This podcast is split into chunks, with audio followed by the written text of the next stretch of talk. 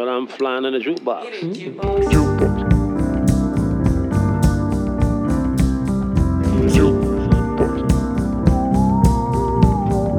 Flying jukebox. Hej och välkomna till den flygande jukeboxen. En podd av, med och för musikälskare. Jag heter Patrik Stanelius och i det här avsnittet träffar jag författaren Mikael Yvesand. Ni vet hur det är när man drabbas av eh, någonting. Jag pratar inte om sjukdomar eller sju års olycka eller något sånt utan mer en skiva eller en film eller en upplevelse eller en person som skapar ett eget universum som är så starkt och drar in en så mycket att man bara vill vara kvar där och inte ta sig därifrån. Ungefär så var det för mig när jag läste Mikaels bok Häng City som gavs ut tidigare i år. Det var liksom en omtumlande och väldigt rolig tidsresa skriven på ett sätt som stundtals fick mig att tro att det var mitt eget liv den handlade om. Mikael Yvesand är faktiskt också musiker, även om han själv kallar sig för en musiker som gått vilse. Och hela Häng City genomsyras av musik och musikaliska referenser och en musikalitet, framförallt i språket, tycker jag. Så att det var superkul att sitta ner och lyssna på och prata musik och boken med Mikael. Jag vill tacka alla som har varit med i podden i år. Och framförallt vill jag rikta ett stort tack till alla er som har lyssnat. Både nya och trogna lyssnare. Jag har inga planer på att sluta med det här men det kommer bli en liten paus med sedvanligt diffus längd. Och sen så kommer det nya avsnitt under 2023. Det lovar jag. Nu kör vi. Säger folk Micke eller är det alltid Mikael? Av någon anledning har jag märkt, typ alla tjejer jag känner säger Mikael och alla killar säger Micke nästan. Jag vet inte varför. Okej, jag, så det är uppdelat så? Ja, men det är absolut ingenting som jag tycker att så här måste det vara. Micke går jättebra. Eller Mikael för den delen. Och eh, vi hör alltså Mikael Yvesands röst, för nu är bandet igång här. Välkommen! Tackar och bockar. Jätte, jättekul att eh, få träffa dig. Jag bara säger det snabbt, vi ska ju prata ganska mycket om det tänker jag, men vad fan har du emot Oris? För vi, vi som växte upp där blir rätt förolämpade. Vad finns det ställe som heter det? Nej jag skojar med dig. Ja, jag tänkte, ja fan, här råk... Ja, Okej, ja, nej, för så, ja, ja, vi, vi har eh, en liten så kluven relation till den här platsen. För jag trodde det fanns ett ställe som heter det på riktigt nu. Nej. Vi pratar om eh, radionovellen som du skrev som eh, i... eh, Det här avsnittet kommer komma ut eh, dagen före nyår tror jag. Så All då, right. då är det lite luft mellan att Men den är, den är hyfsat, hyfsat färsk. Jag tänker låta dig berätta. Jag lägger upp så du får smasha in den här. Men vad, vad är det jag pratar om? Oris. Ja, alltså, exakt. En radionovell som jag eh, skrev för Sveriges Radio har någonting som heter radionovellen. Ja, det heter nog bara det. De frågade mig i somras om jag ville skriva en av de här novellerna de skulle sända. Och det var helt bara helt fritt. De bara sa att det, längden är det enda du tänker på. Den ska vara hur långt det nu var. Ska ta Typ 25 eller något sånt där. Ja, precis. 20, 20, 25 någonting minuter att läsa upp. Men de uttryckte ju det i ord eller antal tecken hur det var. Men temat är helt fritt och bla bla bla. Så tänkte jag, ja men det kan väl kanske vara kul. Så ja, jag gjorde det och försökte väl kanske bara skriva något annorlunda från den boken jag skrev dessförinnan. Att jag ville försöka se om jag kunde göra något annat sådär. Så. Och den boken du skrev dessförinnan, alltså det är ju väldigt annorlunda men det finns, tycker jag, gemensam DNA mellan de här två skapelserna. Och då, vi går från Häng City till Hangover City. det är i alla fall så Oris börjar och eh, utan att avslöja någonting, för den finns ju att höra. Ja, men, Så är det ju på något sätt som en eh, väldigt realistisk skildring av en ruff förmiddag som övergår i någon sorts Silent Hill eller The Hills Have Eyes eh, mardröms eh, eller vad man ska säga. ja, precis. Jo, det, så ska jag nog säga. Exakt. Ja, jag vet inte fan vad, vad det var jag tänkte. Lite grann, som vi nämnde innan, eller som jag nämnde för dig innan, så bodde jag i Berlin i några år. Och där kunde det vara så där om man tog fel tåg någon gång. När man hamnade fel där så var det så här, helvete vad alltså så här, jag fattar ingenting. Du vet, det är inte så här, oj nu råkar jag åka till Hagsätra istället för Rågsved. Utan man bara, eh, fattar ingenting. Och så här gammal skjul, du vet, från så här DDR och det finns inget annat ingenting här, jag kan inte prata med någon. Helt obegripligt. Så lite kanske inspirerat av det, men också bara Ja, precis. Någon bara form av så här dystopi som jag tyckte var en kul bild. Jag tycker, jag tycker som det är kul. En del har sagt att de tycker den är läskig. Det tycker jag inte att alls att den är. Det får man tycka. Men jag tycker som att det är kul. Jag, jag, jag bara tänkte att det här är en till rolig liten berättelse. Men rolig på ett annat sätt kanske. Mm. Eller Ja, kanske inte alls rolig. Jo, ja, ja. Du, du, som människor som skrattar åt splatterfilm kommer ju tycka att den här är kul. Ja, kanske lite. Ja. Nej, men, inte riktigt, men, men det fin- den är ju väldigt eh, grafisk och jag fick en, en malande känsla av obehag som växte och växte. Det finns ett specifikt tillfälle, jag ska faktiskt inte säga för jag tycker att folk ska lyssna på den här. Men det finns ett specifikt tillfälle när jag för från början tänkte att så här, ja, men det är som en krönika ur, ur ditt liv, lite grann som Häng City. Men så händer en väldigt specifik grej och då börjar jag fundera på, har de såna? Vänta nu, vad är det jag lyssnar på?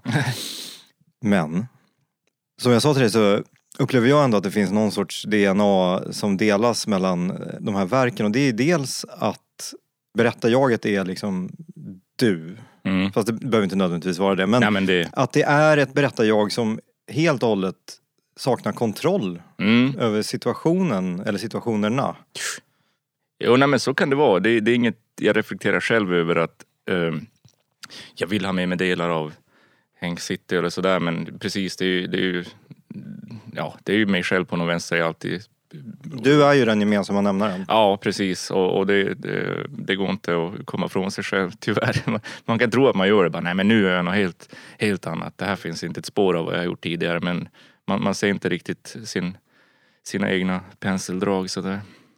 Det här är en musikpodd Jo. eh, först och främst och eh, eh, alltså jag har sagt för, jag älskar Häng City. Det är min absolut största läsupplevelse i år. Oj, Och eh, det finns ju väldigt många musikkopplingar som, alltså, till dig och Mm. eh, i ditt liv som vi ska prata om. Men jag vill bara inte, att folk inte ska vara oroliga för att de har knäppt på fel program. Så jag tänker att vi river av en låt och sen fortsätter vi snacka. all right. Det här är någonting som jag hittat på din Instagram så jag tänker att eh, du gärna får berätta vad som är Oj, nu har du kanske grävt, eller det vet inte jag. Jag lägger upp mycket musik i och för sig. Yvesand ler. Jag blir så lycklig.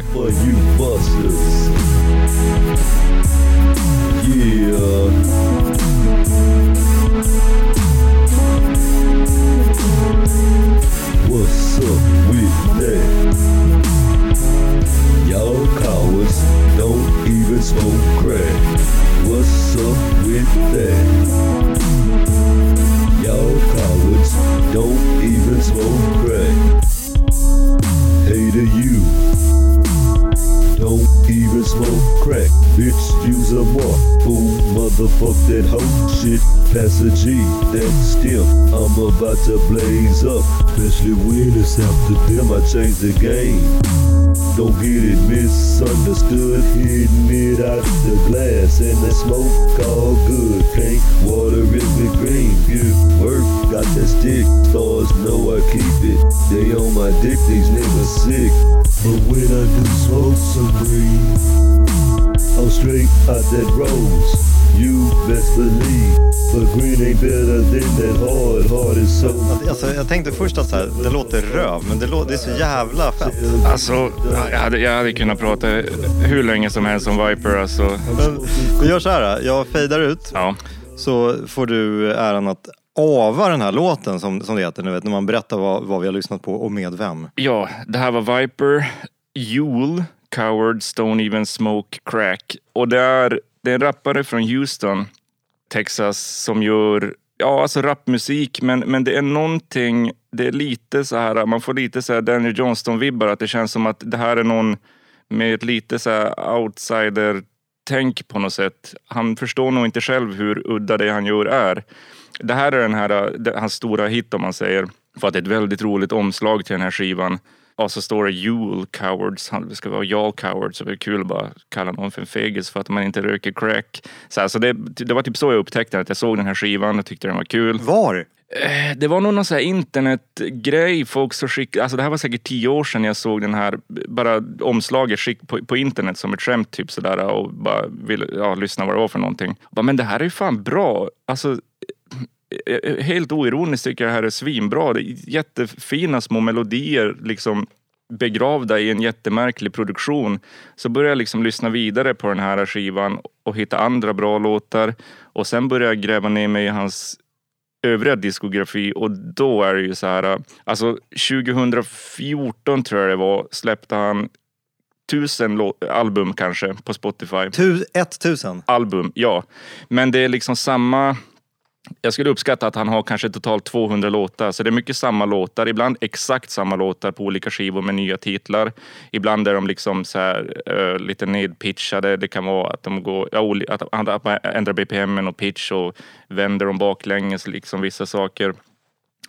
Uh, så det är helt hopplöst att försöka ta sig in i hans liksom det finns för mycket. Alltså om ni går på Spotify och börjar, alltså det, det finns så mycket, man vet inte vart man ska börja. Och 99 procent av allt är tyvärr olyssningsbart ska jag säga. Har du, som ändå kallar dig ett fan, med, Ja. med rätta känner jag, kurerat en eh, spellista? Med, Ja, exakt. Så jag har en spellista med, jag skulle säga kanske 50-60 av hans bästa låtar som är totalt oironiskt jätte, jätte, jättebra. Och, och vad ska man swisha dig för att få den? Ja, det ska man inte swisha med någonting för. Ni får kontakta mig på något Instagram eller något så skicka. Eller jag vet inte om jag kan skicka den till dig och du lägger den någonstans. Ja, men, eh, vi, vi lägger ut på bred front.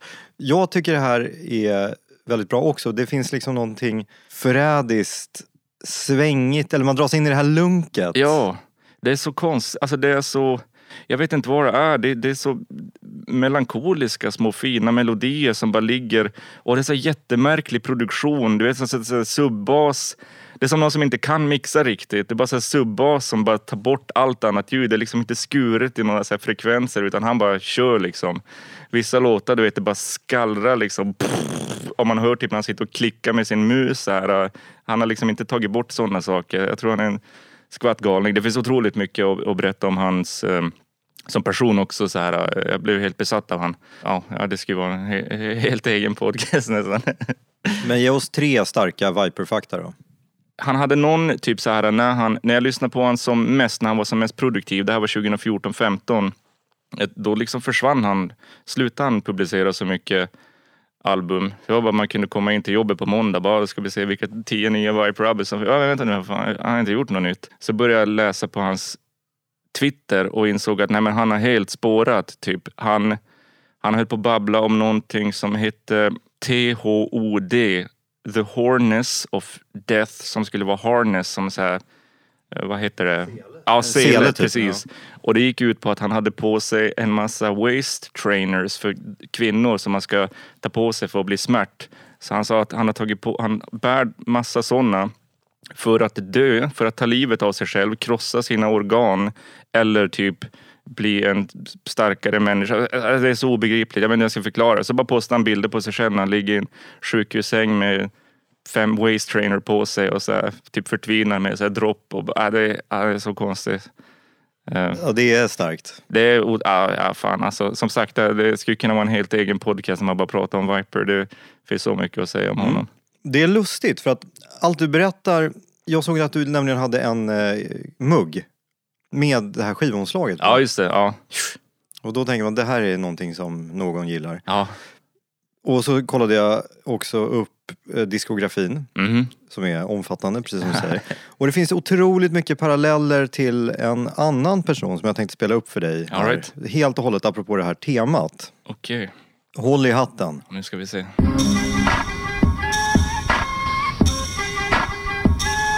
This is Chief Kufre with my millions of fans with NASA versus 350 million Americans.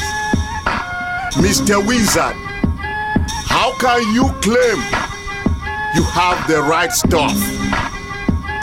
How can you claim, Mr. NASA, that you have the right stuff? Också produktion. Man tänker att det här ska vara något intro, bara så här $300 mellan register och snart kommer basen in. Jag ska visa dig omslaget här. Jaha. Mr. NASA, Ja, det, det där hade ju kunnat vara Viper. 350 million Ja. people. ja, du såg kanske om du, om du eh, läste eller snokade in på Viper lite, hans, liksom hela estetiken, hans skivomslag och vad skivorna heter. Alltså man skrattar ju rakt ut för man bara, Ja, det är så kul. Ja, och det här som vi lyssnade på det är en eh, person som kallar sig för Chief Kufrey. Mhm. Som jag tror kommer från eh, Nigeria ursprungligen men som bor någonstans längs den amerikanska östkusten. Är typ 70 bast, eh, bor i en villa med sin fru kanske. Men han påstår att han har millions of fans worldwide och han har också släppt kopiösa mängder album på Spotify där det ofta är samma låt som laddas upp. Ja, det, är ju, det är ju Viper du beskriver igen. Det, Mm. måste ju vara... Men den här personen som vi lyssnar på har det liksom bloggats om på eh, engelska och amerikanska motsvarigheter till sunkigt. Typ, alltså liksom fulkulturs aficionados. Right. Och till och med så att The Guardian skrev en artikel om honom som någon sorts King of the outsider art. Ah, okej, okej.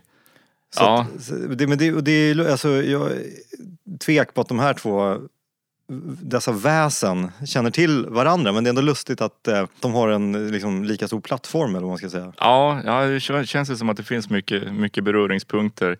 Just det här konstiga hävdelsebehov. Ja, det, det finns ju mycket i rapmusik men det, det är någon, på någon annan nivå med, verkar vara lite med den där snubben och Viper också pratar om hur mycket pengar han har. Men inte en chans att du har några pengar. Liksom. För om man går in på, jag, jag tror, ja, men jag läste på just på någon sån här eh, skivsamlarblogg om Chief Kufre och då var det någon som skrev så här, jag hade honom som vikarie när jag gick i sjuan.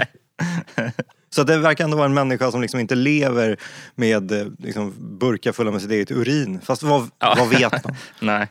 Nej. Jag tänker att vi hoppar till eh, ett annat ämne nu Mikael. Mm.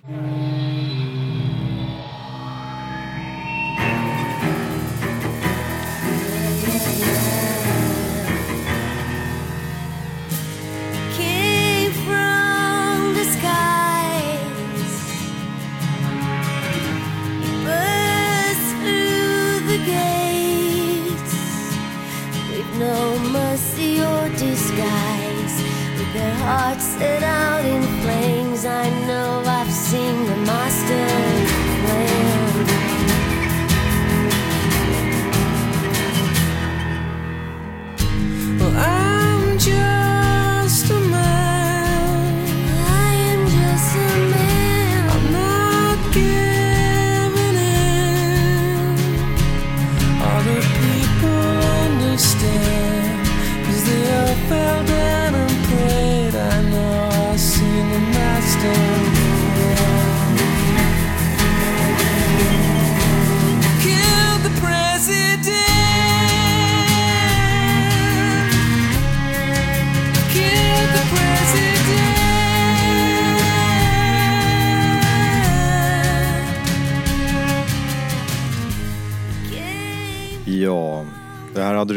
Eh, råkoll på så att du kan ju eh, ta det igen. Jag har absolut inte råkoll. Eh, låten är, undrar om det var så att den här kvinnan som sjunger, att det var ett band eller bara hon som kallade sig för Drugstore.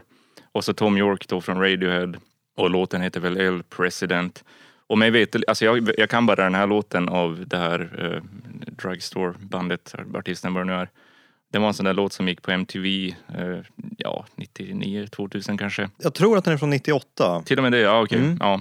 Så min fråga till dig är, vad gjorde du till den här låten? Vad gjorde jag till den här låten? Vad var en soundtrack till i liv? Eh, Jag vet inte. Jag får bara upp någon sån där bild där vi typ eh, bodde i en lägenhet på Höstvägen som det hette i Luleå innan jag flyttade till det här huset som jag bodde senare med min farsa och hans fru. Men jag var jo, nej jag vet inte. Alltså, det, var, det var väl innan kanske man riktigt hade börjat få en personlighet. Jag har en syrra som är fyra år äldre än mig. Hon var alltid min liksom, hon, hon visade mig, hon lärde mig liksom cool populärkultur.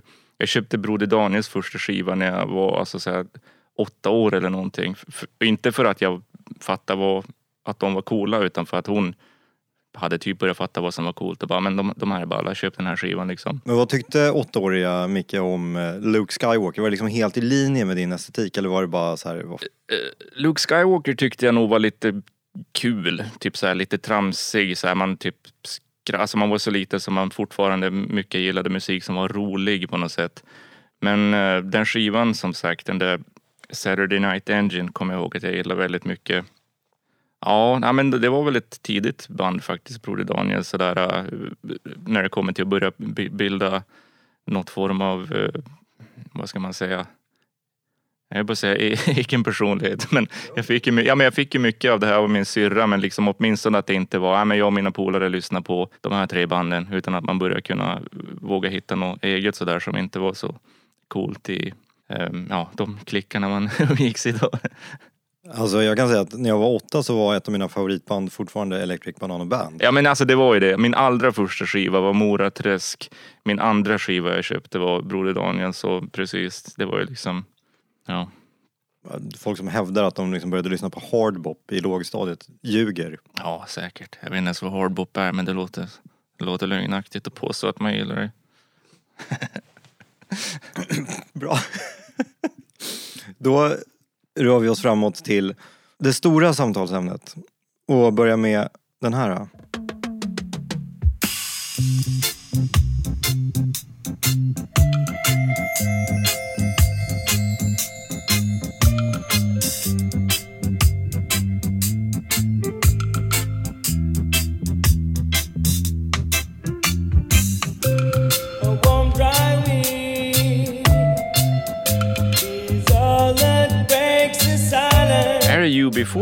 Ja, det är det. Fantastiskt. Riktig reggae.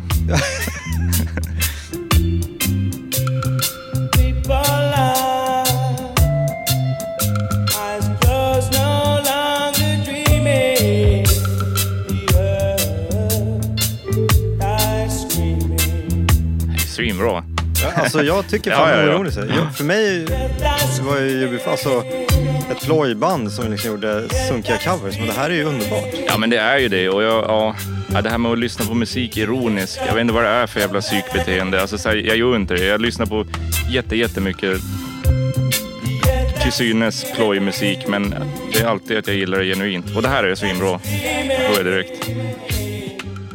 Jajamensan, Birminghams eh, stoltheter UB40 såklart. Och eh, låten heter The Earth Dies Screaming. Fan jävla bra titel också. Ja, det ska finns en Tom Waits-låt som heter The Earth Died Screaming Jaha, från eh, Bone Machine. right. Men eh, jag tänkte bjuda dig på lite roliga och kittlande UB40-fakta. Så jag sökte på Fun and interesting facts about UB40 och hamnade på en sajt som heter amiright.com som verkar vara en databas för likasinnade människor. Okej. Och då går man liksom in och då har alla band som är i deras katalog har liksom en väldigt pedagogiskt upplagd sida där det finns bra fakta först. Mm. Till exempel att eh, UB40 bandnamnet, det visste inte jag för jag har aldrig brytt mig Ja, om att kolla upp bandnamnet det. känner jag till. Ja, men då får du säga. Ja, men det, det var bara någonting att det var någon form av blankett man fyllde i när man sökte typ ersättningsstöd och att de möttes på... Unemployment Benefits Just. Form 40. Just, och de möttes på typ eh, Arbetsförmedlingen i Birmingham. Mm, ja, men det, och det känns som grundkurs i UB40-fakta om man, ska veta hur bandet ja, finns. ja. Men eh, sen så skriver de att i videon till Red Red Wine så dricks inget vin. Jag vet, det är så här ölsejdlar som är så här gradade röda. Liksom. De bara, men hörni, borde vi inte ha vin? Nej, vi, det, vi fixar i post. Gör Mm. ölen röd. Och det tredje faktum, fakta som stack ut tyckte jag att det var att eh, UB40 är enligt Am I Right-användarna det första västerländska bandet som turnerade i Sovjetunionen 1986 och det är ju helt och hållet osant. Jaha, För alltså, typ tio år tidigare så var Cliff Richard där och lirade i Moskva och Sankt Petersburg. all right. Tror att Iron Maiden lirade i, i östblocket men kanske inte i Ryssland eh, 84. Okej. Lite längre ner på samma sida så finns det en, sek- en sektion där användarna får komma med förslag på alternativa låttitlar. Okej. Och då så, på den här så har vi bland annat folk som har föreslagit att den skulle kunna heta The Earth Died Sweating. Typ, den här låten, det här är en snyggare titel? Ja. Eller? Ah, okej. Ja. Det är användbart. ja.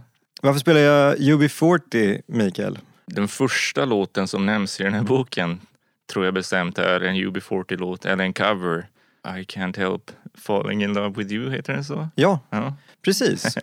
Och jag tänkte fråga dig hur det kom sig att valet föll på den. För att enligt god blandbandssed så ska man ju öppna med en pisstark låt och sen så ska nästa låt vara ännu bättre. Och det är väldigt mycket musik eh, referenser och musik används som markörer, både liksom tidsmarkörer och vad ska man säga, personlighets eller identitetsmarkörer liksom, vad ni, eller vad, vad personerna i boken väljer att lyssna på vid något givet tillfälle och sådär. Ja. Sjukt nog var det där, det var något som jag höll på att ändra mig. Just den första låten, lite sådär som du var inne på. så att den, eller på något sätt att här försöker jag, ja det är det första man skriver, det här ska väl på något sätt sammanfatta någonting eller liksom snabbt fånga den här känslan liksom. Och vad i helvete ska det vara för låt det här som beskrivs att huvudpersonen vaknar i sitt rum och hör en radio på övervåningen. Och bara, ja men det borde ju vara en låt från 99. Men jag tyckte det blev så fånigt med det är klart, alltså så här, när man eh, ja, googlar hits 99, alltså okej man hade kunnat ta någon sån här bortglömd hit som var en stor hit då, då hade man verkligen satt tiden. Men jag tyckte det kändes lite larvigt, jag gillar inte den där sortens nostalgi liksom så här.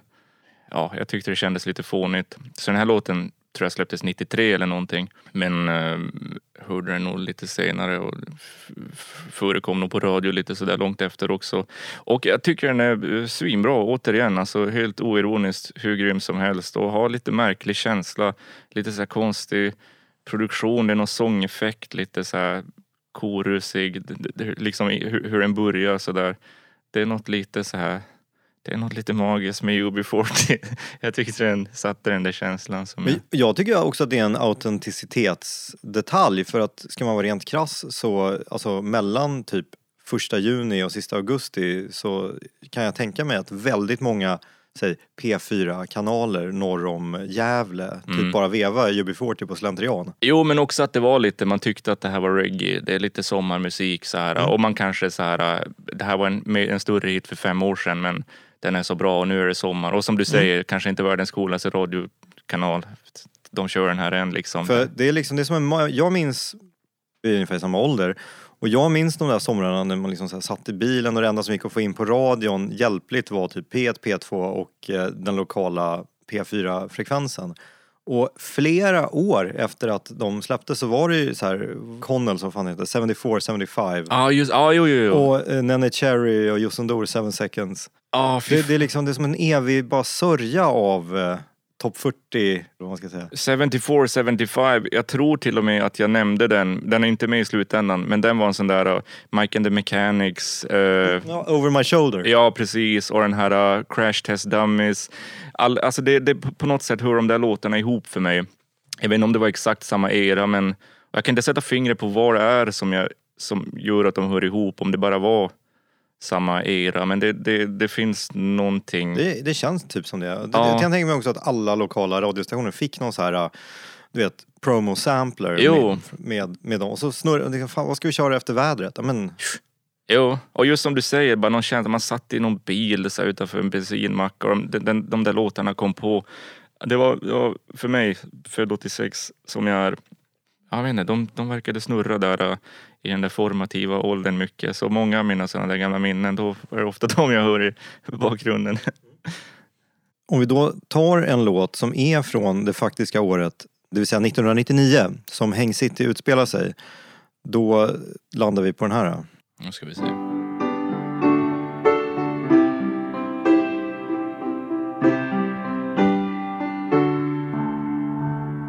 Ah. Have forgotten you long ago. But you're in Här är ett av mina favoritband. Jag har Magnetic Fields text tatuerad på mig ty tyvärr. wrong and so on and so forth. Of course, of course. But no, you can't have a divorce. I haven't seen you in ages. But it's not as bleak as it seems. Still dance on whirling stages in my Busby Berkeley dreams. The tears have stained all the pages of my true romance magazines. We still dance in my outrageously beautiful Busby Berkeley otroligt bra. Det är ett av mina favoritband. Och det Mikael pratar om är såklart The Magnetic Fields. Låten heter, plockar du den? Busby Berkeley Dreams. Ja, från eh, 69 Love Songs. Mega-eposet från 1999. Du sa till mig medan vi lyssnade här att Du har en Magnetic Fields textrad tatuerad på kroppen. Vilken och var?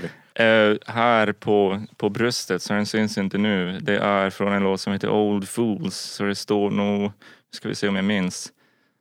Det här är länge sedan jag gjorde den och man läser ju den inte så ofta själv. Flowers Long Drive Old Fools New Lives. Från en lite senare skiva som heter Distortion. Som apropå diskanta ljud, han är väldigt mycket sådär, gör temaskivor på något sätt. Och Distortion som, som namnet antyder att allt är väldigt eh, distat. Det låter lite så här Jesus and Mary Chain nästan. Men ändå bara deras jättebra poplåtar. Det är nog ett av mina favoritalbum faktiskt. Jag är Eh, väldigt förtjust i Magnetic Fields albumet I. Ja, Där alla jättebra. låttitlar börjar med ordet I. Ja, precis. Också sådär tydligt att han har de här tema, tema grejerna. Ja, svinbra album det också. Grymt. Men eh, var det ett band som du upptäckte i realtid, alltså när det här släpptes eller har du, eller lite sen med liksom, lite backspegel? Jo, alltså de, jag hörde ju, som jag sa tidigare, jag hade min syrra som, som visste sånt här cool musik. Smakråd. Ja, precis. Och hon gjorde blandband som jag snodde och fick låna och sådär. Så där hörde jag ju Magne- Magne- Magnetic Fields tidigt, kanske sådär 96, 97 sådär någonting. Men inte att jag liksom kopplade att det här är eh, ett band som kommer bli viktigt för mig, utan det var någon låt här och var som man gillade. Det jag blev riktigt såld på dem var nog senare, kanske 2002, 2003, något sånt där, när det blev ett sånt där viktigt band. Nu är det ju inte någonting jag lyssnar på fortfarande, men alltså det, det var verkligen ett sånt där jätteviktigt band för mig som, som på något sätt alltid kommer, kommer vara med mig tror jag. Har du sett, det finns någon eh, dokumentär Ja. med Steven Merritt. Jo. Och jag, jag, har liksom väldigt- väldigt diffusa minnen från det men det är ju någon sekvens när han sätter sig i en taxi. Ja, typ. ja. ja då, dra, take it away. Nej, nej. Jo. Ja, nej, men jag, om det är den du tänker Ja, jag- på, när han sitter och är lite mallig, han är i New York och ska bli körd någonstans och taxichauffören frågar varför filmar de det? Ja, de gör en dokumentär om mig. Varför det? 'Cause I'm fascinating. Så bara, vad, vad sa du att det hette i efternamn? Merritt. Never heard of you. Det är väldigt starkt. Eh, och han är så butter. Eh, Men för en gångs skull är det som att han ser lite mallig ut och så bara rasar allt. Alltså, Sava, när jag läser den här boken så, det har du fått höra i, eh, du har fått läsa i nästan varenda recension av Häng City. Troligtvis fått höra det i varje intervjusituation du varit i. Men igenkänningsfaktorn är skyhög. Jag är uppvuxen i Stockholm, inte i Luleå. Men just den här tillvaron som beskrivs är Alltså det, det är helt sjukt. Det är liksom, alltså det är doft, smak, färg. Alltså det, det är verkligen bara att, alltså att kliva in i, i det förgångna på ett sätt som jag inte var beredd på.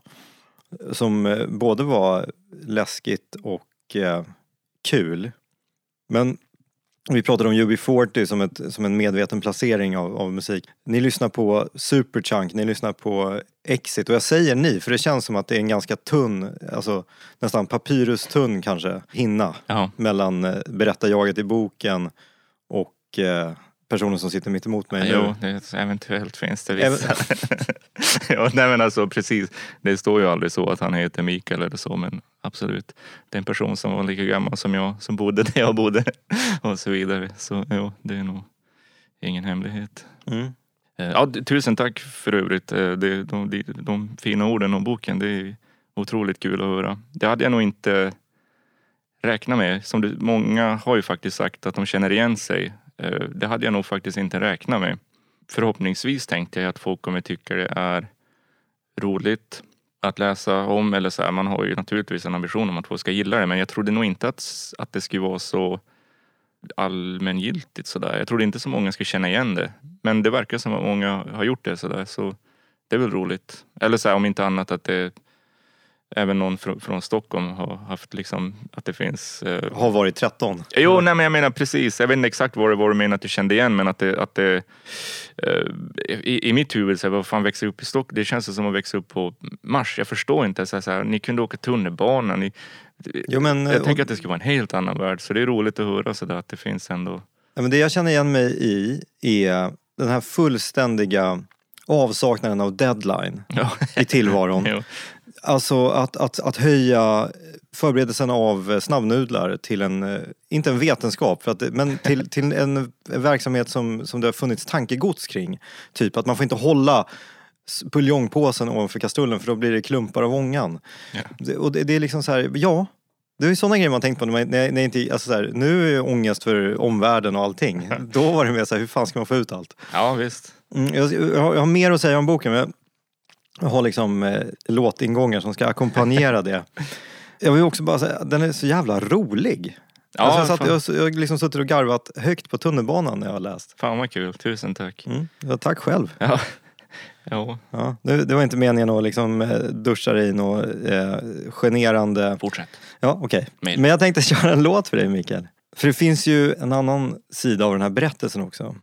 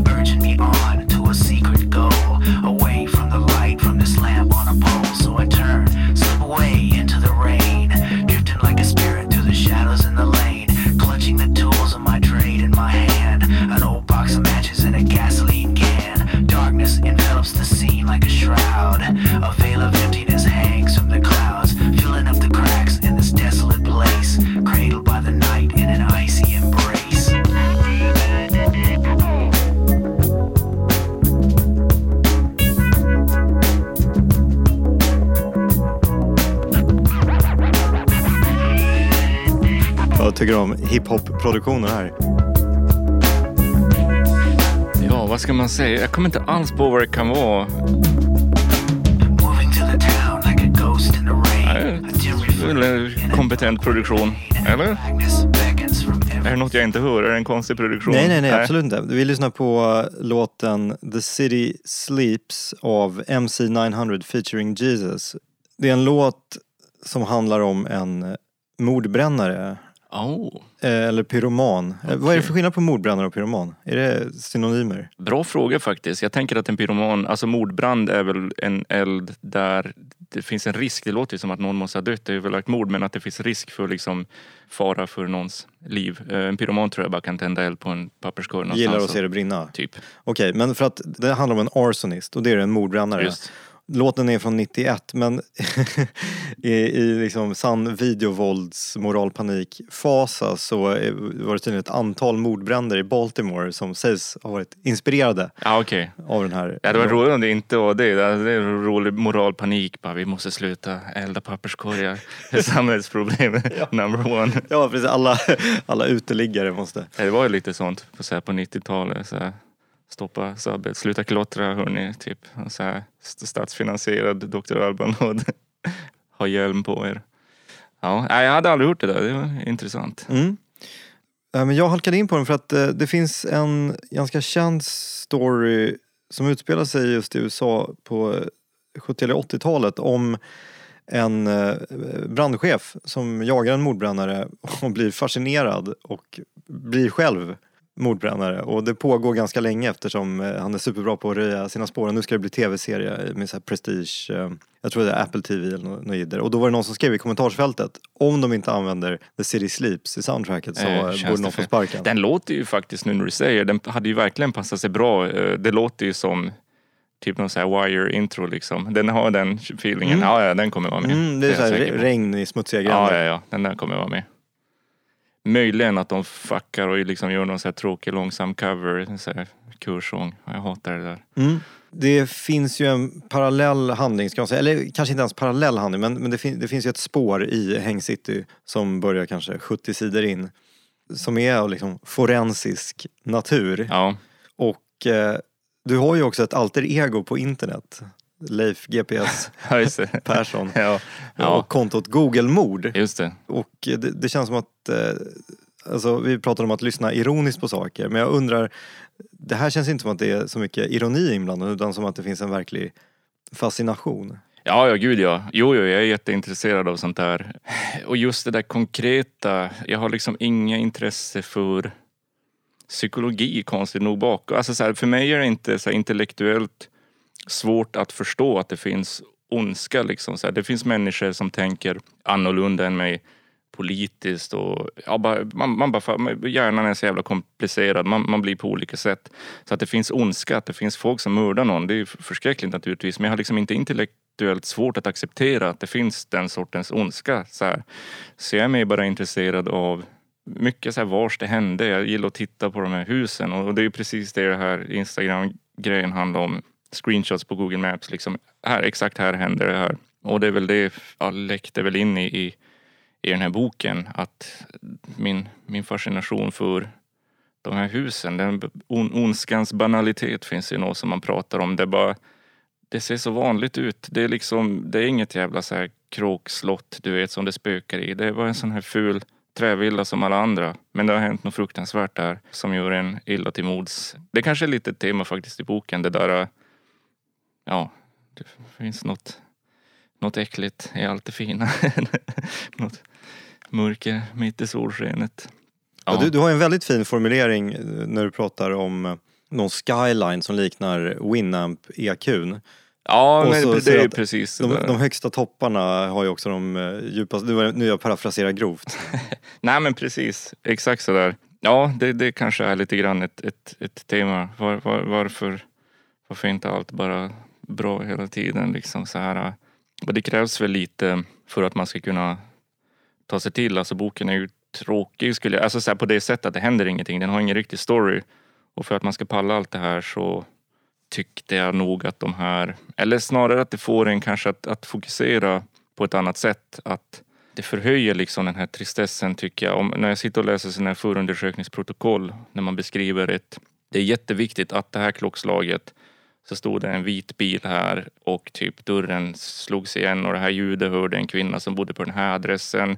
Och hon vet att klockan var det här därför att hon just hade klivit ur duschen. Och alla det här sinnessjuka detaljfokuset tycker jag är så otroligt fascinerande. Liksom. Det finns nästan ingen skönlitteratur jag tycker lyckas med det där. Jag säger inte att jag lyckades, men jag är helt besatt av de där detaljerna. Liksom. Och jag, jag tyckte att det här hörde ihop i mitt huvud. Det här är ju en grej som du har pratat om i andra sammanhang. Just att du älskar att läsa polisens förundersökningsprotokoll. Ja. Och det ju, finns ju sån text återskapad också Just. i boken. Men då när jag, när jag hör dig säga en sån grej och när jag läser dig säga ungefär samma sak i andra sammanhang så tänker jag, eh, det här är inte hans första rodeo. Alltså begär du ut fuppar och sitter och tummar igenom dem eller? Aha, så. Ja, man behöver lyckligtvis inte begära ut dem själv så ofta utan de hamnar på internet eh, allt som oftast. Så, så himla så här, privat spanig behöver man faktiskt inte vara utan de, de, de går att få tag i. Liksom. Jo, nej, men jag, jag brukar sitta och läsa sånt där och vissa som jag verkligen har längtat efter. Så här som man kan längta efter en ny skiva eller någonting. Så här, "Åh, nästa månad kommer den. Nästan så jag kan vilja ta ledigt från jobbet du vet och sitta och Mm. Ja, det var fint sagt. Ja. All right, vi rör oss vidare. Men det här är också apropå en grej som du faktiskt precis nämnde själv. Nu ska vi se.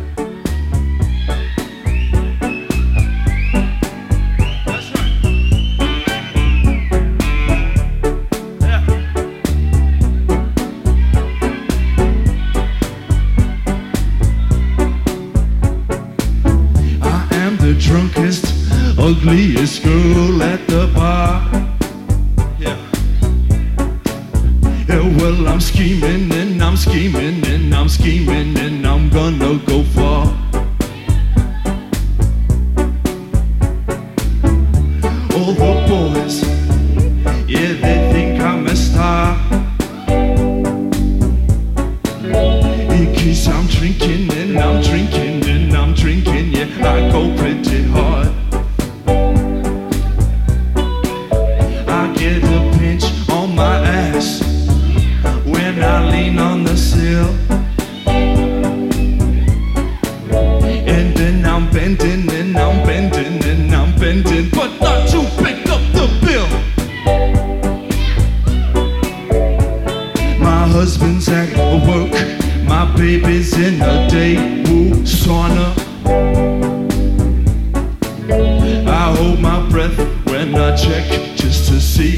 She isn't a goner. The little dream sits there, she's like a fly in a jar.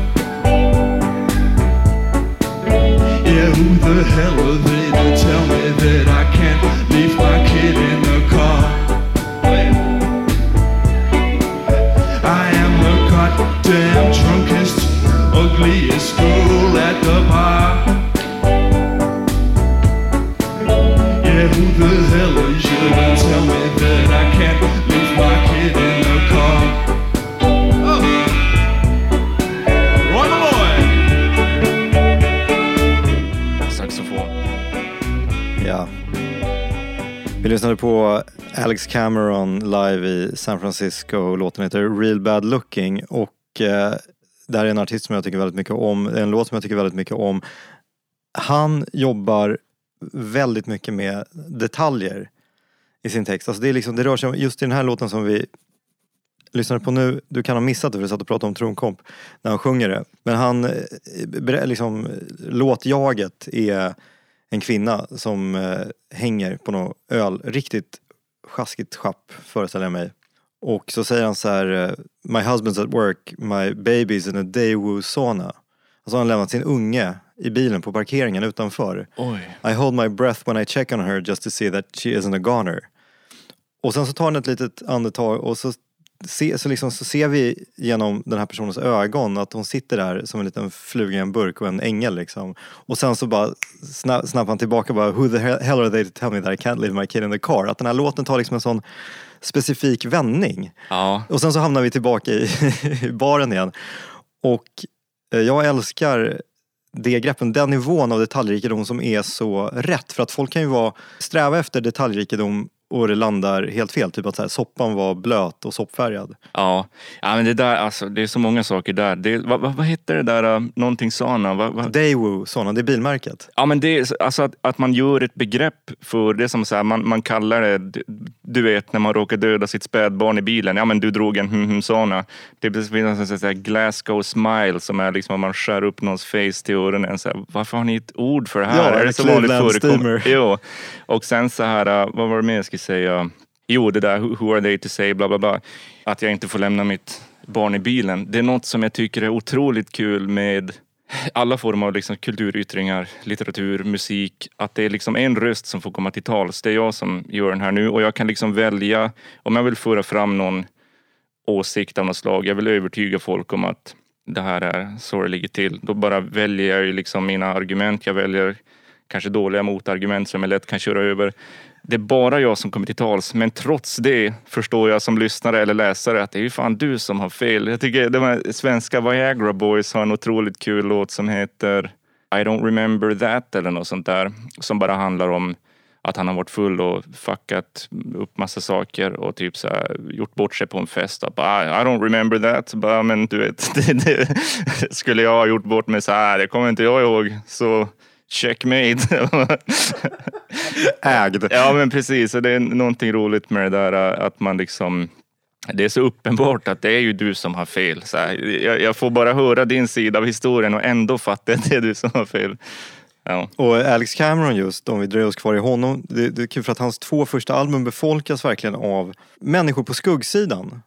Alltså, jag, jag, jag tänkte på, jag tänkte som, eh, alltså det är liksom, soundet är verkligen, han älskar China Crisis Ja. och eh, Donald Fagen och eh, liksom eh, 80-tals Springsteen och så och, och det Ja. hörs. Men att han, och han har tydligen jobbat som eh, typ assistent på något socialkontor och, och liksom läst, på samma sätt som du läste igenom digitala travar med förundersökningar så har liksom riktigt solkiga och sorgliga och mörka människoöden passerat revy framför honom eftersom han liksom jobbat med att arkivera eh, fall. i Just princip. Och han var tvungen att sluta för att han fick typ PTSD av det. Men det, det var ju liksom litterärt stoff åtminstone för två fantastiska skivor. Ja, jo. Den här texten, det var ju ja, fantastiskt. Det var många saker där som jävla jävla bra faktiskt. Mm.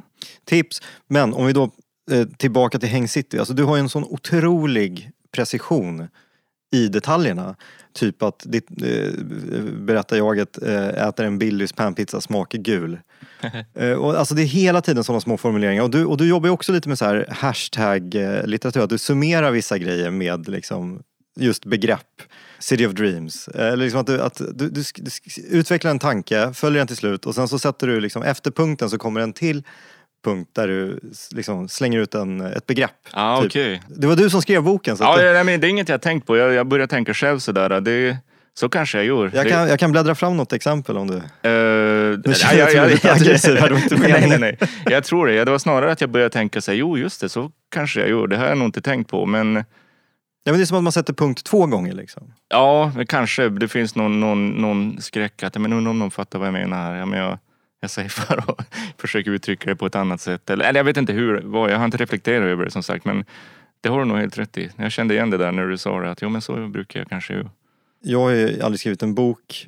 Det här är din, din debutroman. men Jag vet inte hur mycket du har skrivit tidigare men det här känns liksom som en superkraft som eh, kultiveras under lång tid. Det är ingenting man liksom går en typ skrivarkurs eh, och lär sig. Utan det här måste du liksom ha odlat och burit med dig. Ja, no, jag, jag har inte gått någon sån där skrivarkurs eller någonting sånt. Jag har inte skrivit förr. Jag har aldrig försökt skriva något eller få något utgivet. Jag, jag är nog lite sådär att jag jobbar på i det tysta liksom. Jag tycker inte om det här. Hörni, nu ska jag försöka skriva en bok, typ. Det kommer bli fett. Utan jag, jag försöker göra saker i det tysta. Och blir det ingenting av det så märker ingen det. är Bara någon eh, form av eh, rädda sitt eget. Inte så här, oh shit, nu misslyckades jag med den här saken som jag har gapat om. Utan eh, ja, jag jobbade på mycket, mycket i det tysta och putsade väldigt mycket. Jag tror jag skrev i två eller tre år. Jag kommer aldrig ihåg när det var jag började, om det var 2018 eller 19. Ja, nu minns jag knappt vad du frågade. Jag frågade om din, eh, ditt öga för detaljer. Ja, sådär. Jo. Formulering av dessa. Ja men det kan nog vara kanske lite det här med att jag har, jag kan vara lite blind för vissa grejer. Att jag, som jag sa, inte så här, psykologi, jag tänker inte så mycket på varför, varför beter han sig så här eller varför, eh, varför det, ja, det är för komplicerat. Eller jag bara accepterar att sånt är komplicerat. Jag orkar inte försöka sätta mig in i det. Och då kanske det kompenseras med att jag blir helt, fäster jättemycket vikt vid små detaljer. Att jag kan bevittna liksom en bilkrock men jag råkar titta på något fönster och ser på gardiner eller någonting. Eh, Lite så selektiv, selektivt. Jag, bara, jag tycker det är så himla kul den här förklaringen till varför, jag säger ni, men, men varför eh, huvudpersonstrion dricker Pepsi istället för Coca-Cola. Ja. jo. Nej precis, det var Jockes familj drack alltid Pepsi. Så det fanns liksom alltid sådana där stora Pepsi där och vi körde på mycket med Pepsi. Eh, jag tror att det nämns också i boken att det var en snubbe som min syrra var ihop med som också drack Pepsi. Vi tyckte han var cool, liksom stor kille, så han drack Pepsi. Ville vi väl också vara. Och att det blev någon sån där grej att man, man visste som att det var det näst bästa och tyckte det var lite kul därför så här. Ja, precis. Man gör det till en grej. Ja. Och, och du beskriver också att liksom Coca-Cola det är ett sånt projekt för att det, det förtjänar liksom att silas över kristallklar is Ja. till tonen av Just fan. det. Ja, ja nej men precis. Pepsi är lite... The people's choice. Ja, det är så slappt. Man bara kör, det behöver inte ens vara kallt. Det, det gör inget man spiller ut halva. Man bara, man bara maxar. Ja, det är därför jag gillar Pepsi tror jag. Än idag. Men tyvärr har de fuckat svenska Pepsin. Det är så här sötningsmedel i den nu, även den vanliga. Så jag slutar, jag slutar med Pepsi. Vi kör en låt, Yes. Mikael. Money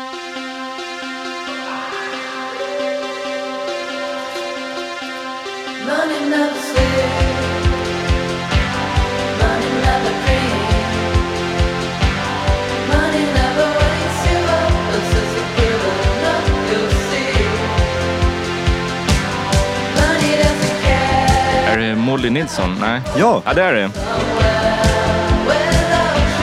Svinbra.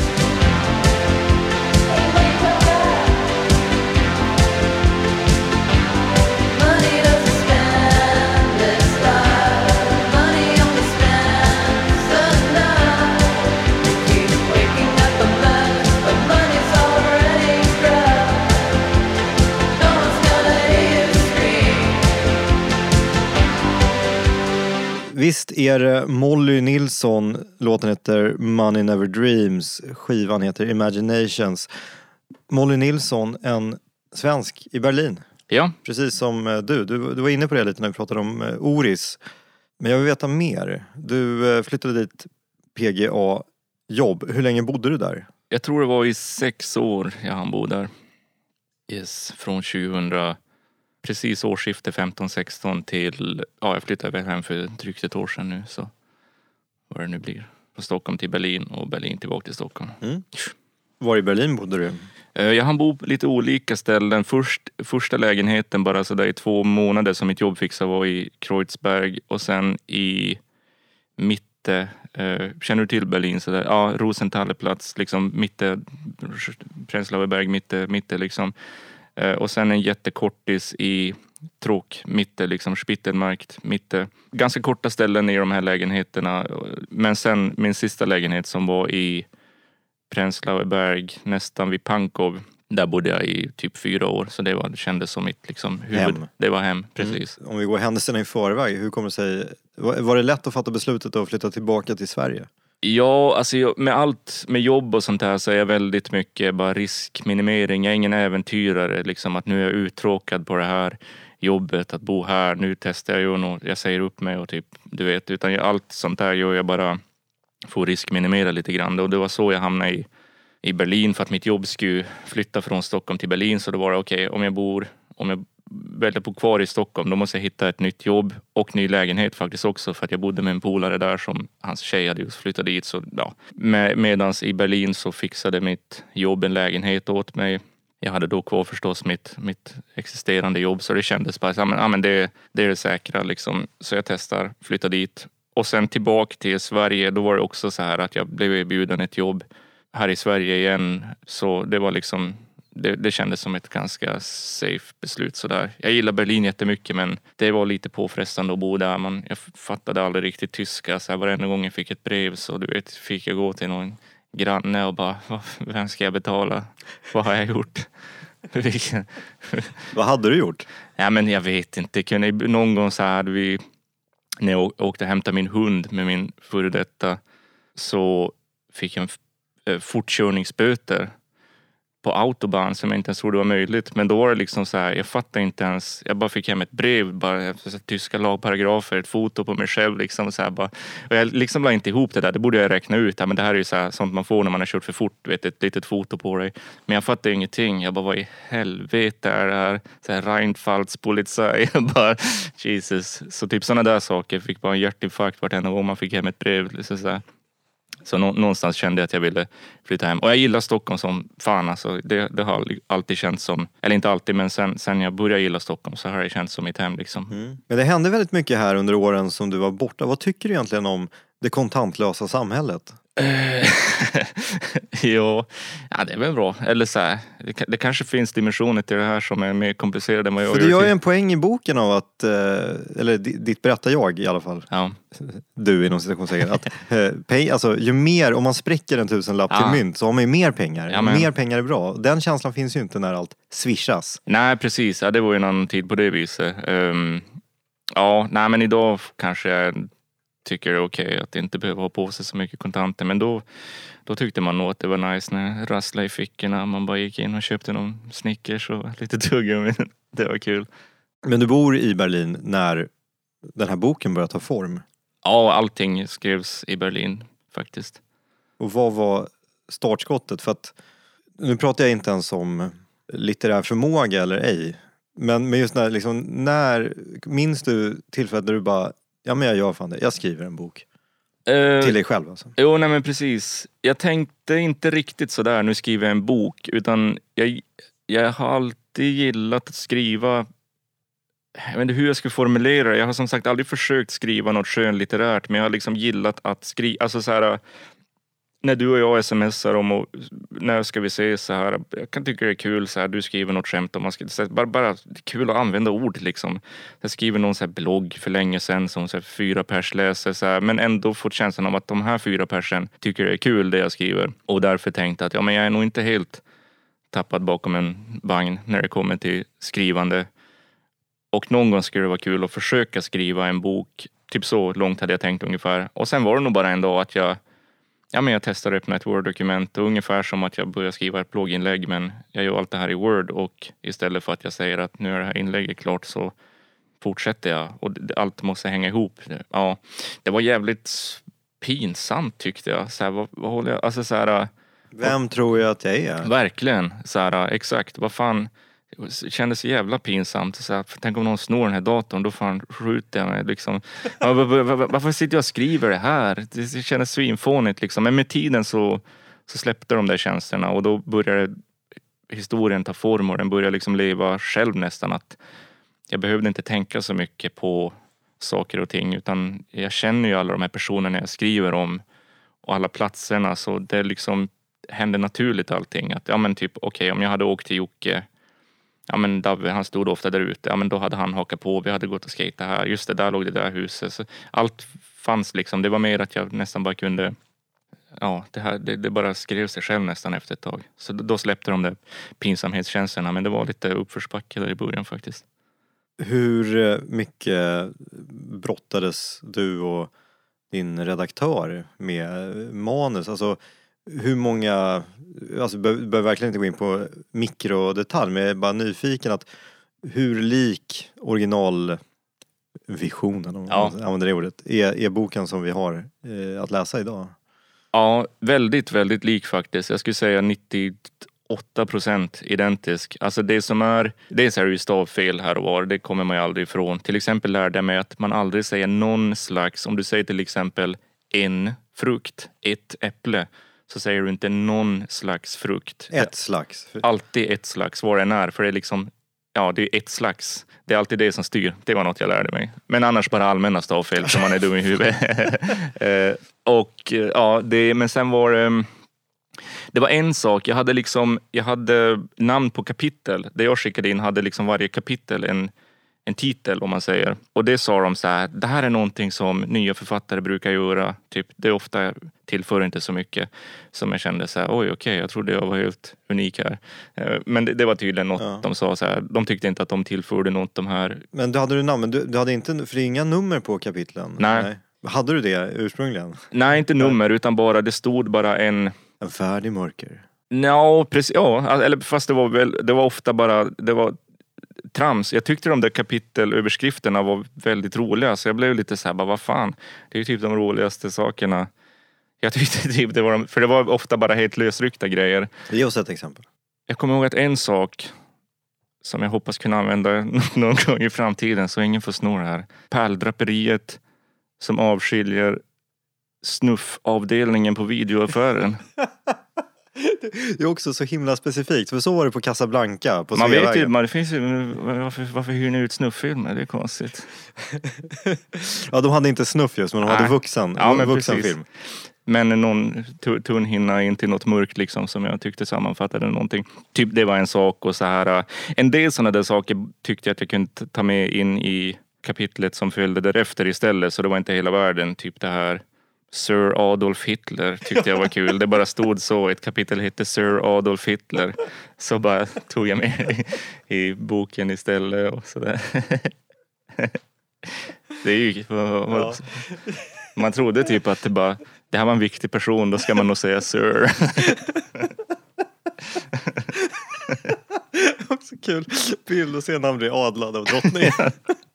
Man fattade inte det där med att vara adlad. Jag bara trodde att det var som Mr. Fast, eller jag bara, det är också kul, Mr. Hitler. Ja, så typ lite sådär och sen ville de ta bort bara några typ kortare här sidan. Det var mycket, de här förundersökningsbitarna, det var faktiskt ännu mer sånt. För jag kan ju helt gå loss på sånt här. Så det var några sådana där de sa att det här blir lite väl långt med sådana här detaljer. Så typ, ja. men, men väldigt, väldigt lite ändrat från vad jag skickade in. Och det var nog just det där för att jag satt med det väldigt länge. Jag läste den om och om igen liksom och bara putsa och putsa. Så det finns ju vissa som bara, alltså så här, om Jan Guillou vill skicka en, skriva en ny bok, han, han kan nog bara här är synopsis. De bara, japp, vi kör liksom. Men som debutant måste man väl övertyga dem på ett annat sätt. Så, Mm. ja. Jag vet inte om det är medvetet, men så som jag upplevde när jag läste att mot andra hälften av boken, när, när de här förundersökningsdelarna kommer tätare och tätare och vidden av det som hänt går upp för läsaren allt mer och mer och också grabbarnas tillvaro blir mer och mer ansatt på något sätt så känns det också som att, alltså nu vet, det, är liksom, det är ju egentligen inte kronologiskt sett slutet på sommaren men det känns som att liksom som, dagarna blir kallare och mörkare och eh, ja, sen har vi slutet i boken, som, eh, no spoilers, men att det känns som att allting är liksom en, eh, sammanflätat i, i den upplevelsen av sommarlovet som eh, förflyter och liksom passerar. Jo, nej men det är ju lite sådär, det beskrivs något barndomsminne av eh, hur det var. Vi var, hade en sån här sommarstuga när jag var liten där vi var i hela somrarna och jag minns när man åkte hem från den och det kändes att nu, nu, är, nu håller sommaren på att dö liksom. Chippa efter andan. Det börjar bli lite så konstigt kallt i luften. Man badar inte längre. Det är så här viner, vinden bara susar spöklikt. Och eh, ja, i slutet av boken så börjar det bli lite den känslan. Något otäckt kanske tar över lite mer sådär och Ta en låt Mikael. det gör vi. Shoreline först. Hmm?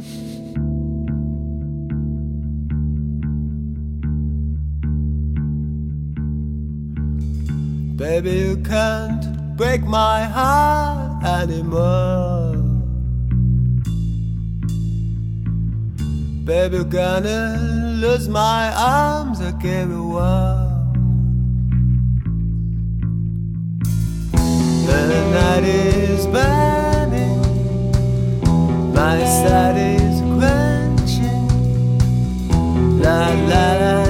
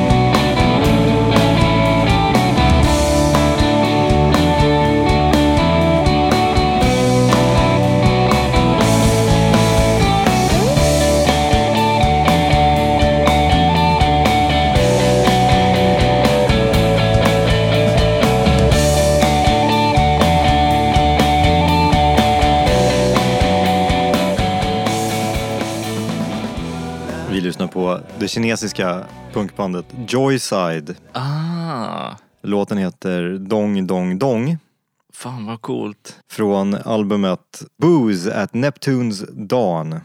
Och eh, det här är Joysides andra album från 2007.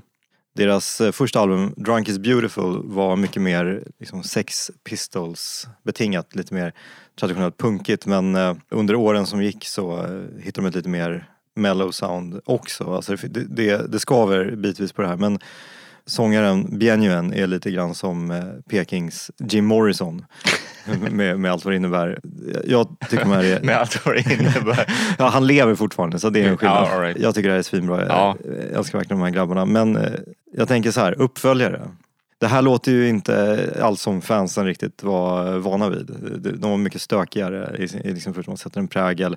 Du vet när Elastica släppte sitt efterlängtade andra album flera år efter debuten så lät det bara piss. Ja. Verkligen. Nu vet jag att Häng City gavs ut i våras eller vintras och eh, har väl liksom blivit lite av en så word of mouth hit på något sätt. Att folk liksom vaknat hyfsat sent. Fast vi är ändå inne i samma kalenderår så att du borde inte klaga. men men liksom att, eh, jag upplever att det snackas ganska mycket om den här boken nu Hur går du vidare? Ja, man får nog bara försöka tänka bara utifrån sig själv. Alltså jag, jag hade en kompis för länge sedan som höll på att forska om insekter. Typ, och han, när han pratade om det här, så jävla specifika grejer. Typ, ja men den här syrsan som har de här benen, typ hur den utbreder sig i den här regionen. Ja, alltså, så han, det är extremt tråkigt för mig, något jag är totalt ointresserad av. Men hans person sken igenom så mycket så att det blev jättespännande att lyssna på.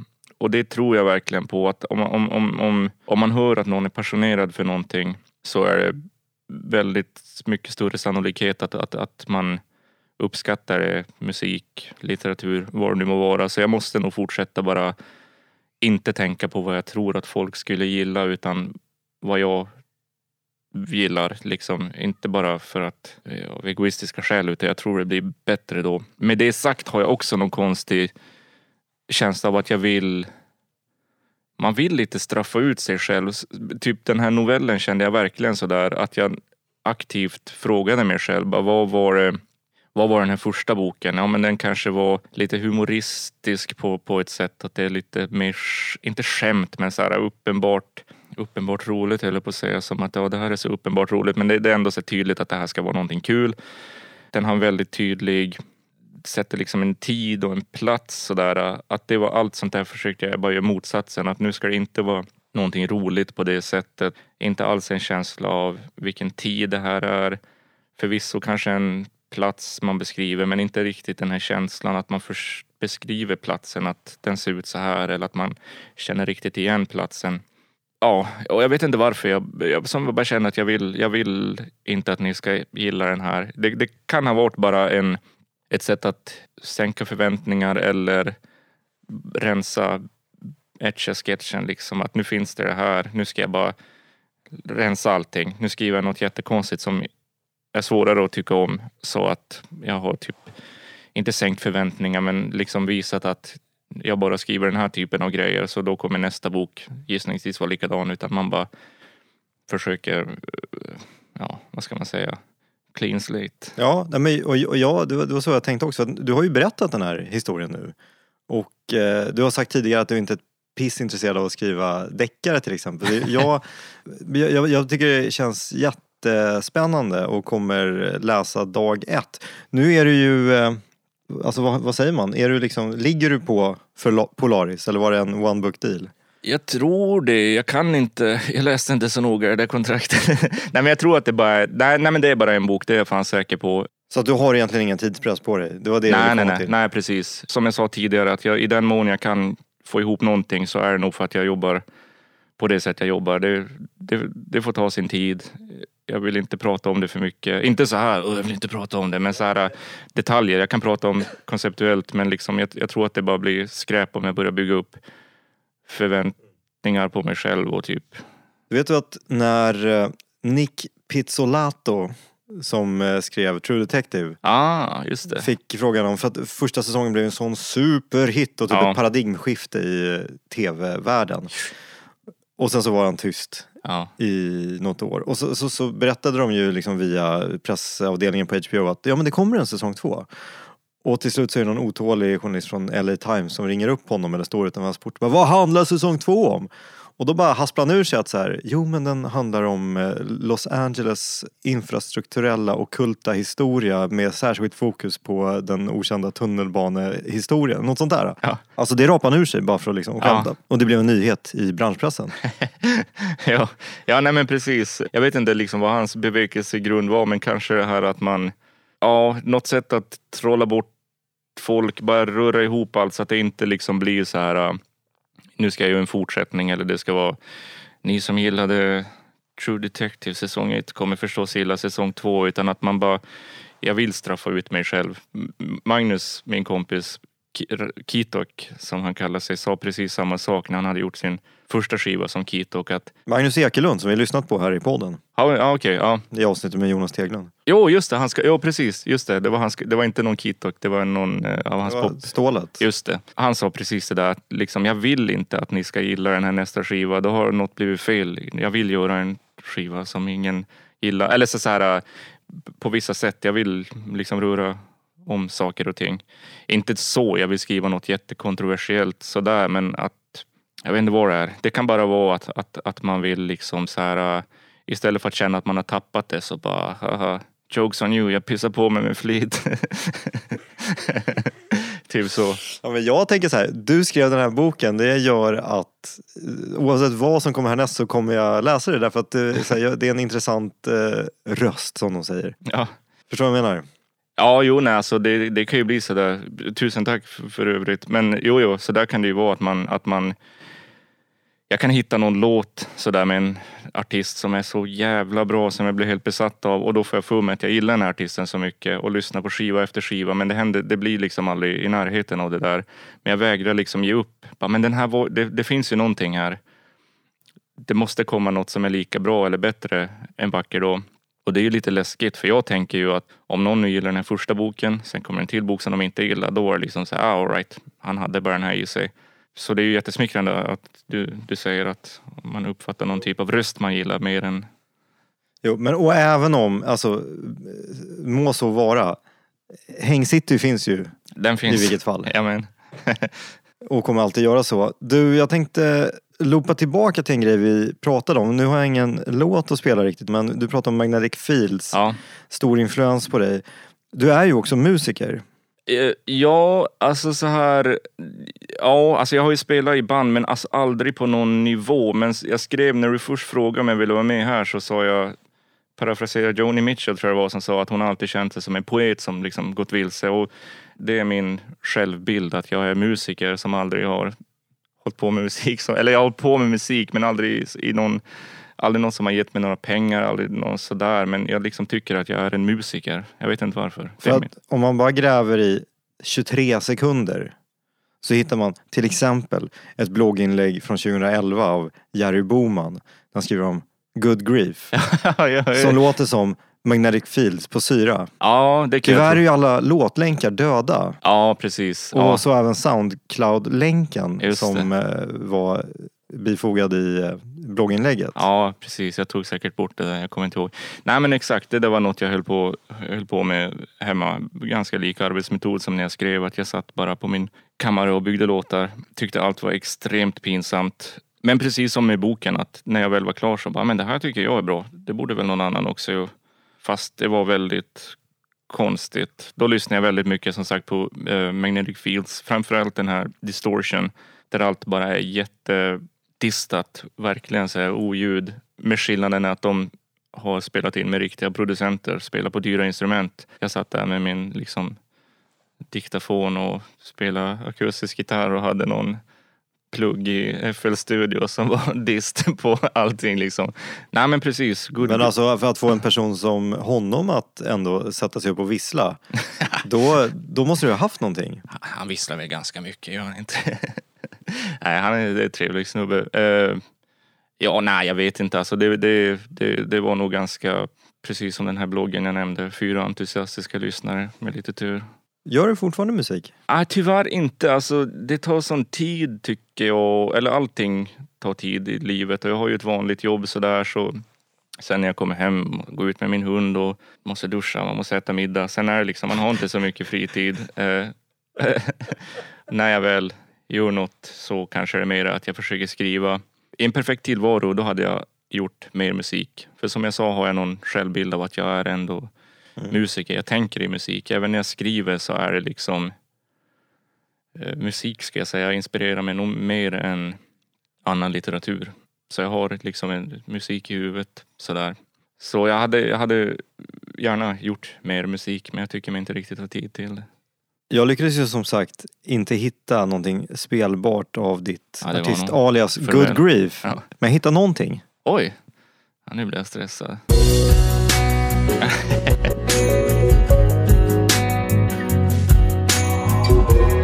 ja, sånt här gillar jag väldigt mycket.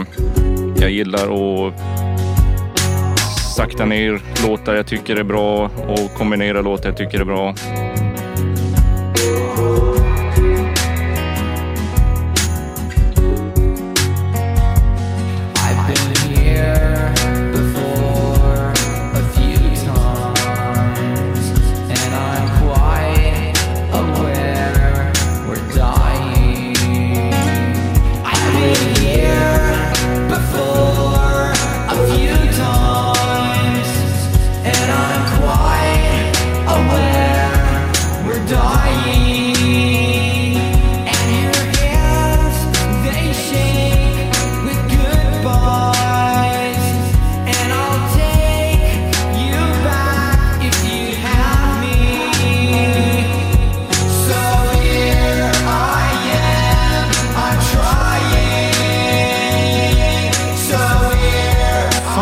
Det här? Det ska jag berätta för men Mikael, vill du av, vill du ava den här fina mashupen? Ja, nej men precis. Nej men som sagt, jag, jag tycker väldigt mycket om att göra eh, musik. Ibland hittar jag någon låt jag gillar och bara, "Ah, men det, den här hade varit nice om den gick hälften så fort och nedpitchad och den här låten är jättebra men bara sticket är bra. Så typ, typ jag, plockar man ut det och sådär. Så det här är två låtar som jag tycker är bra som jag kombinerar till en låt och det är Sade, Fireside och Blink 182 Always. Så det är sångspåret från Blink, musiken från Sade och sen har jag spelat själv lite. Han inte komma med här men jag tror jag spelar lite piano, lite ukulele och sånt ovanpå. Jag slänger upp länken i inlägget sen. Ja, det, det gör du så fan heller.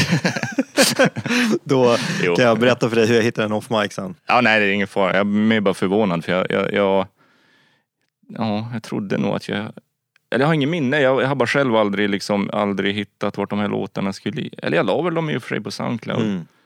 Ja, Jag kanske tog bort det där kontot. Jag kommer inte ihåg vad som hände med allt det där. Det finns, men då, det jag tycker det är kul. Jag, jag har en liten, ett bonusspår. För jag, egentligen tänkte jag runda med nästa låt. Ja, Som vi ska lyssna på som en grand final. Men då, vi tar en, en, en bonusrackare här emellan då. Mm.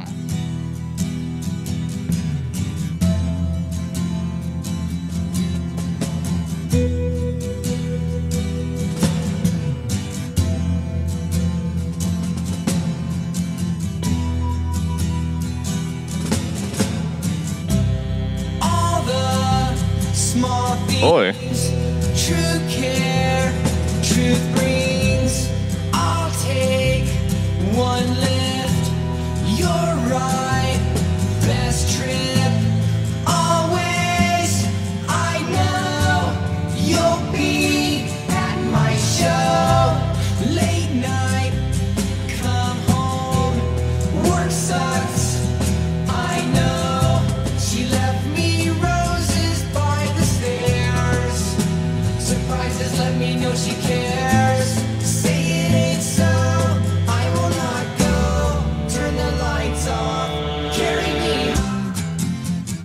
Ladies and gentlemen,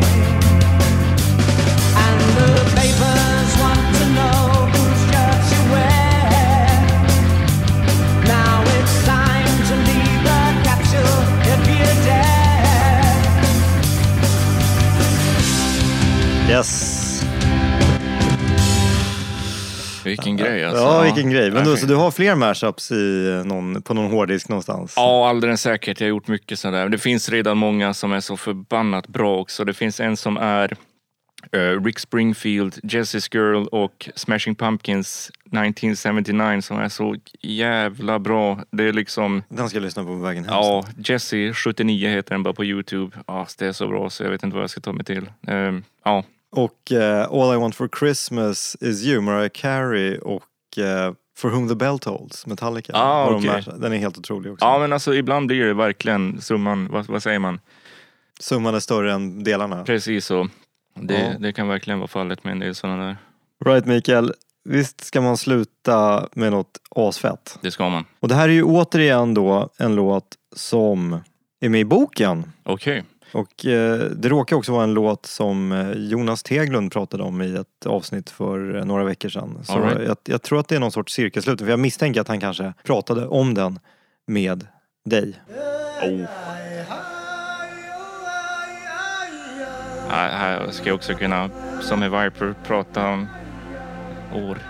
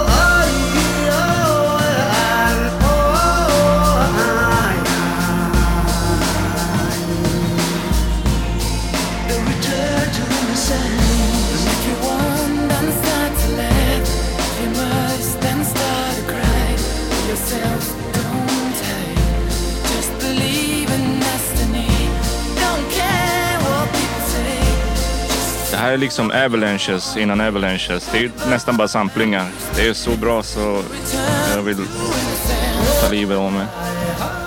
Och det Mikael Husand tycker är så bra att han vill ta livet av sig till det är såklart Return to Innocence av Enigma, Michael Creto av Exakt. Deutschland. Ja, det här är ju en viktig låt i ditt liv. Ja.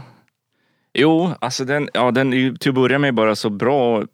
Ja, men hur, svårt att analysera bortom att det bara är en så uppenbart bra låt. Men den har ju verkligen en, en känsla av någonting. Och sen min morsa gillar den här. Min morsa som dog när jag var ung, som är lite så här ledsam förstås. Hon minns jag gillar den här, för att hon trodde att det var någon så här native american. Eh, som, och hon bara, åh det är så vackert, det här är riktig ursprungsbefolkning. Så bara, nej men nej, det här är typ någon så här taiwanesisk folksång eller någonting. Och så här jätteplastig produktion och bara så här, eh, ja, det, det finns liksom inget djup på det sättet. Eller det, det kan man väl säga att det gör, men det var någonting rart med att hon tyckte att det här var något jättegenuint hon hade hittat. Så där. Så, det är lite som när George Costanzas mamma tror att Donna Chang är kinesisk. ja, kanske så. Ja. ja, men den är otrolig. Jag, fan, jag älskar den där låten. Och det hörde jag, du och Jonas var- hamnade lite in på det spåret med den här. Jag vet inte om ni, han, ni riktigt fångade det och det kommer jag heller inte kunna göra. Nej men jag menar inte så. Det, jag vet inte om det går att fånga. Jag kommer absolut inte kunna göra det. Vad, vad det exakt är det är. Jag vet inte ens vilken era det är. Men det var någon det fanns liksom en tid där det kom mycket sån här musik som var väldigt så här. Äh, det var lite så här sampligt, lite så här hiphop inslag nästan. Jag får den känslan av att man tog någon gammal, jag tror det är Led Zeppelin, någon Led Zeppelin-låt trummorna kommer från. Som mycket gammal hiphop kommer ju också från det där att man bara tog någon, här ligger trummorna på en egen kanal, ja men nice, så tar vi dem. Och så lite så här esoteriskt, någon liten så här kör av något native americans, fast i det här fallet var det ju inte native americans. Att det finns något väldigt så här, man skulle kunna kalla det pretentiöst, vilket jag tycker är ett så ledsamt begrepp. Men det är liksom, man bara kör, det är hundra procent liksom, man bara bryr sig inte om att det är lite fånigt på ett sätt. Man bara vågar embracea fånigheten och ja, ja, den där låten är otrolig. Ja, absolut. Det är så bra. Det finns många. Jag brukar försöka liksom definiera och göra en playlist. Nu ska jag samla alla de här bra låtarna. Så här. Thomas Di Leva, Naked Number One tycker jag är likadan. Så jävla bra. Samma, samma känsla. Kajsa-Stina Åkerström heter hon det. Frågestjärnorna. Fy fan vad bra. Och typ så här. Stina Nordenstam är en av mina absoluta favoriter all time. Little Star tycker jag också har den där känslan. Men jävla kören i slutet som kommer in och sjunger på latin som jag tyckte, ja men det här är säkert någon kärlekssång av någon vänster på något sätt. Och så när jag liksom läste texten och översatte den, det är, det är bara vi prisar dig Gud, liksom, vi lovordar dig Herre, bara, det är så här religiöst. Och bara det, det är så jävla fett liksom. Hur vågar man vara så banal på ett sätt? Men det liksom blir inte banalt, det bara blir så mäktigt tycker jag. Att, att man jag hörde fel på Shoreline som jag nämnde tidigare. Då, då sjunger han i slutet I've got nothing to wait for. Men när jag hörde det första gången så trodde jag att han sa I've got nothing to live for. Och tyckte det var så jävla bra att bara... Det är också en banal textrad, men så modigt. Bara, ja, men jag, nu, det är inga omskrivningar, jag har inget att leva för. Jag tyckte det var det finaste jag hade hört i mitt liv. Så jag blev lite besviken när jag hörde att så, så sjöng han faktiskt inte. Men eh, ja, det hade ingenting med någonting att göra. Men ja, jag kan kräva fram den där playlisten kanske också med mina favoriter som jag tycker har, har, har den där feelingen. X-faktorn. ja. ja, fan. eh, eh, Nej, just X-Files heter det, men den eh, ledmotivet tycker jag också. Ja, just det. Men det är faktiskt det är lite etno... Det, det är något sånt där. Ja, etno, alltså det, det, där, där sa du någonting. Det är en viktig dimension, att det finns något etno som var den här mycket kompetenta producenter som, som bara kunde göra allt svindyra grejer. Men de bara, nej men det, blir, det måste vara lite äkta. Det måste finnas något etnoinslag, världsmusik. Då vart det det där. Otroligt. Och med de orden sätter vi punkt. Hur har det här känts för dig Mikael? Jo, det känns bra. Det är lite så här... um, jag har en tendens, man bara börjar babbla. Man, vill, man, man sitter här med hörlurar och en mikrofon och så bara börjar man säga någonting. Och man inser, nu bara går truten, jag vet inte vad jag säger. Så jag hoppas att jag inte har... Att jag har varit någorlunda sammanhängande. Men svinkul att vara här. Stor ära. Tack så hemskt mycket. Gott nytt år. Detsamma.